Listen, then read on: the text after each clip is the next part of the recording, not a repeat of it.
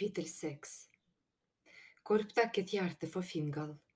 Mens de hadde gjort forberedelser til flodbølgen, hadde han sagt, altfor mange båter har blitt slått til pinneved i uvær på tåkemantel tidligere. Vi må få så mange båter som mulig sikkerhet, så vi trenger alle de sterke dyrene vi kan finne til å bære dem innover i landet. Har du noen sterke brødre, Korp? På Fingals ordre hadde Korp egen lille båt blitt fortøyd i en av hulene ovenfor den underjordiske innsjøen. Det ville ikke bli så vanskelig å få den på vannet som han hadde trodd. Vannstanden var nå så høy at han nesten kunne skyve den rett ut på innsjøen når tiden kom. Han får inn og ut av tomme i tårnet. Han brukte særlig mye tid på kjøkkenet og fylte opp båten med så mye mat og ferskvann som den trygt kunne bære.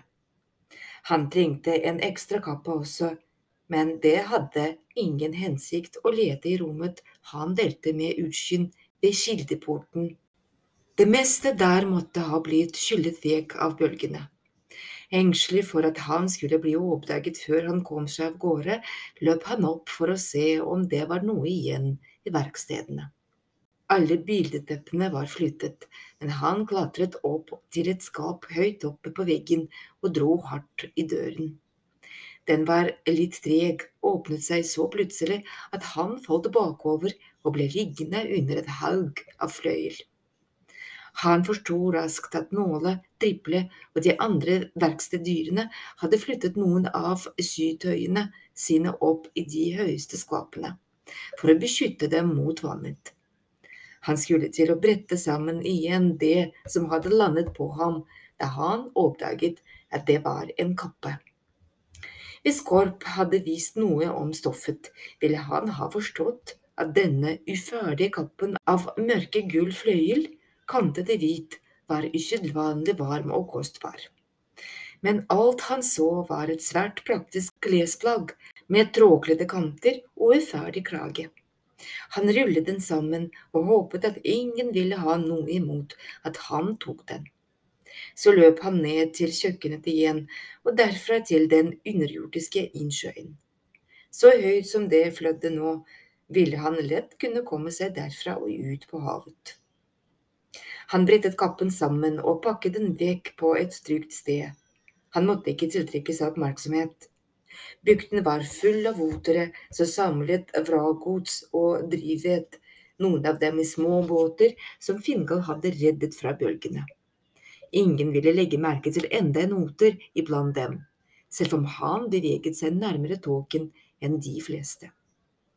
Hjertet hans slo hardt og fort, og potene hans skalv en tanke ved årene. På innsiden følte han seg fortsatt bare som en oteren korp, men han var også en vandrer ute på sitt første eventyr. Og som alle vandrere måtte han reise alene. Han hadde passet på å pakke en boks med hasselnøtter. CP likte hasselnøtter. Crispin rakte ut en pote for å hjelpe Padra opp. Kom opp til tronsalen, Padra, sa han. Vann er kanskje ditt naturlige element, men det er ikke mitt. Du kan si det du har å si der oppe. De kløv opp trappene til tronsalen uten å si noe.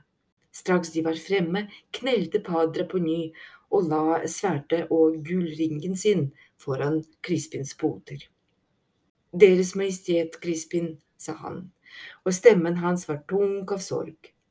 Jeg har latt et dyr begi seg ut til fare uten deres tillatelse. Kom deg opp fra knærne og sett deg, padre, sa Crispin.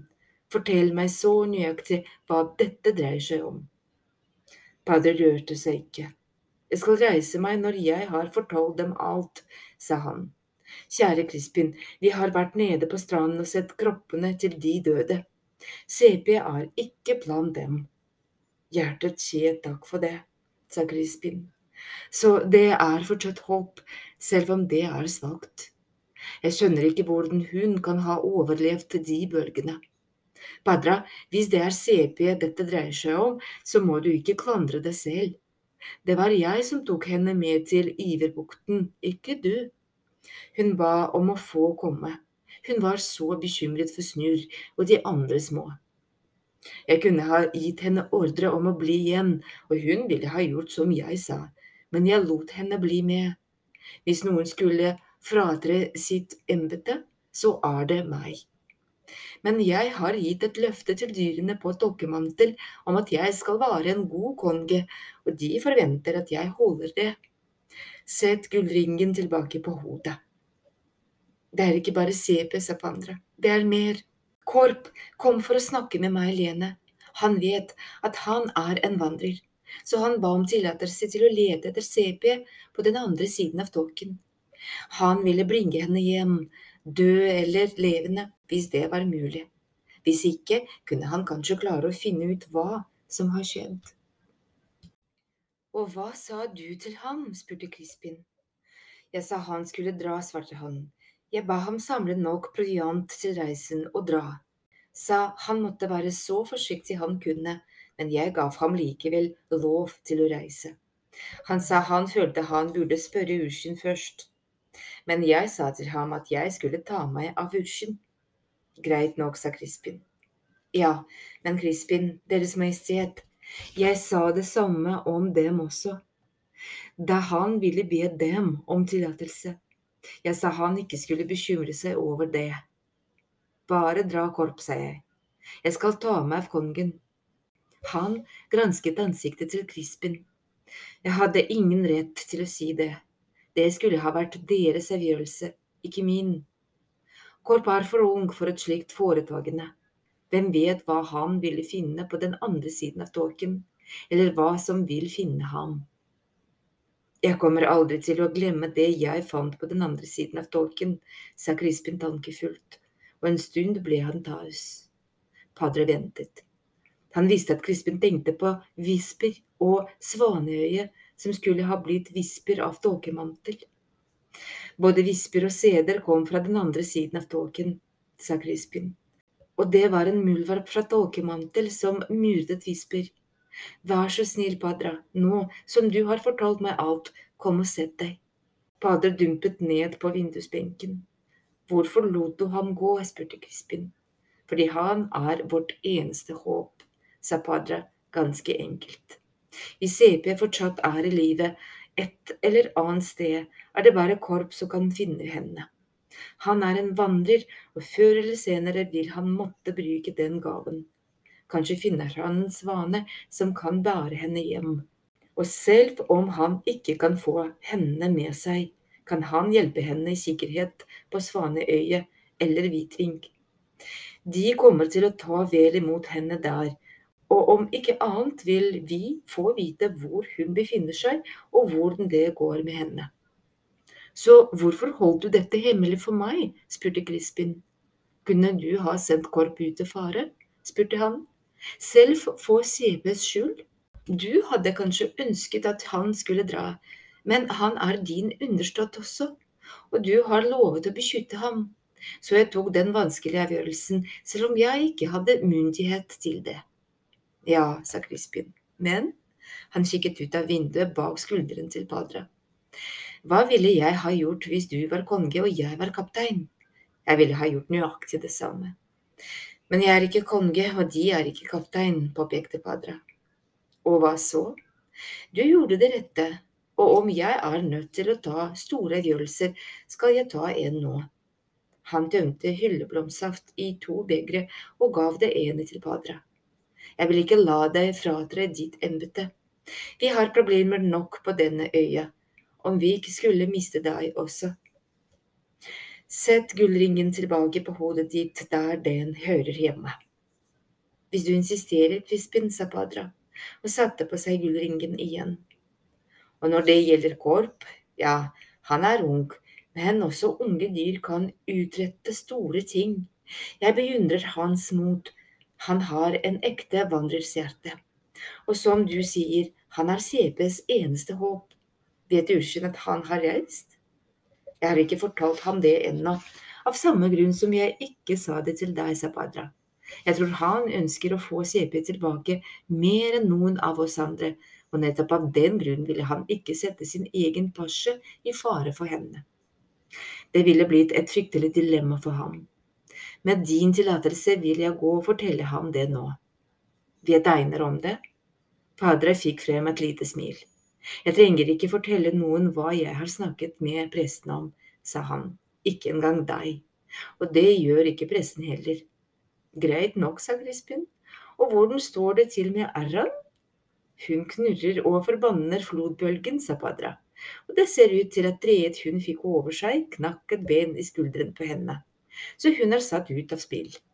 Hils henne fra meg. Ursen trenger å vite om Korp. La meg ta meg av det, Padra. Jeg skal snakke med ham. Han var der for meg da jeg selv sørget, en gang for mange år siden.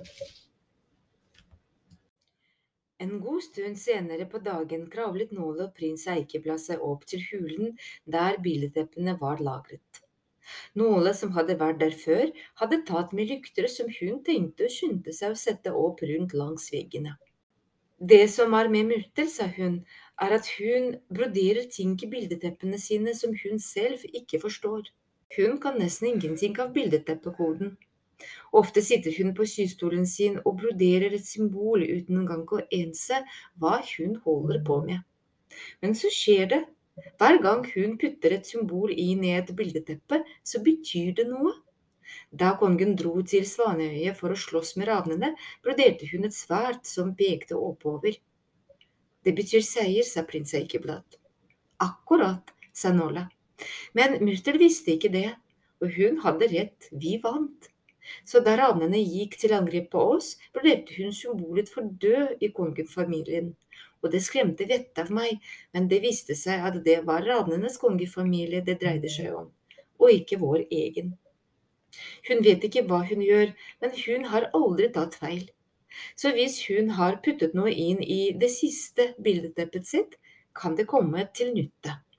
Jeg mener det kan gi oss en ledetråd til hvor vi kan finne de savnede ungene eller kanskje til og med noe om CP.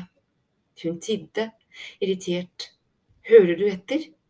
Eikeblad snudde seg langsomt med munnen på vidt gap. Dette er fantastisk, sa han. Hvorfor har jeg aldri vært her før? Blikket hans fulgte det flakkede lyset fra lyktene mot taket. Halvedelsteiner blinket mot dem fra veggene. Vann gurglet opp fra en kilde. Nåle husket hvordan det hadde vært første gang hun selv besøkte slanghulen, og forsto at det ikke hadde noen hensikt å prøve å fortelle Eikeblad noe som helst akkurat nå. Hun løftet to sammenrullede bildetepper ned fra en stabel og rullet dem ut på gulvet. Det er vidunderlig, utbrøt prins Eikeblad. Så vakkert! Stemmen hans ble kastet tilbake fra det høye, buende taket. Det må være en fantastisk opplevelse å synge her. Nåla overhørte ham. Hun fortsatte å rulle ut bildeteppet. Ikke det, ikke det, ikke det heller. Til sist, etter å ha studert et av dem nøye, kom hun trykkende med det bort til lykten. Eikeblad, sa hun, kjenner du hele bildeteppekoden? Gjør ikke du? spurte han overrasket. Selvfølgelig kan jeg det, utbrøt Nål irritert over at han i det hele tatt fant på å spørre. Jeg ville bare vite om du gjør det. Moren min pleide å fortelle oss om bildeteppekoden om kveldene før vi la oss, sa Eikeblad. Han la hodet på skakke studerte det nærmere. Det ser ut som en sirkel, sa han, og en båt. Kan vi ta dem med ut og se på dem i dagslys? Men la oss bli her inne en liten stund til, dette stedet er så syngbart. Med en klokkeklar, melodiløs stemme begynte han å synge. Det var vakkert, men Nåla måtte likevel holde seg for ørene. Hun ville be ham holde opp, men hadde ikke hjerte til det. CP hadde synget her da de kom for å lete etter hjertesteinen.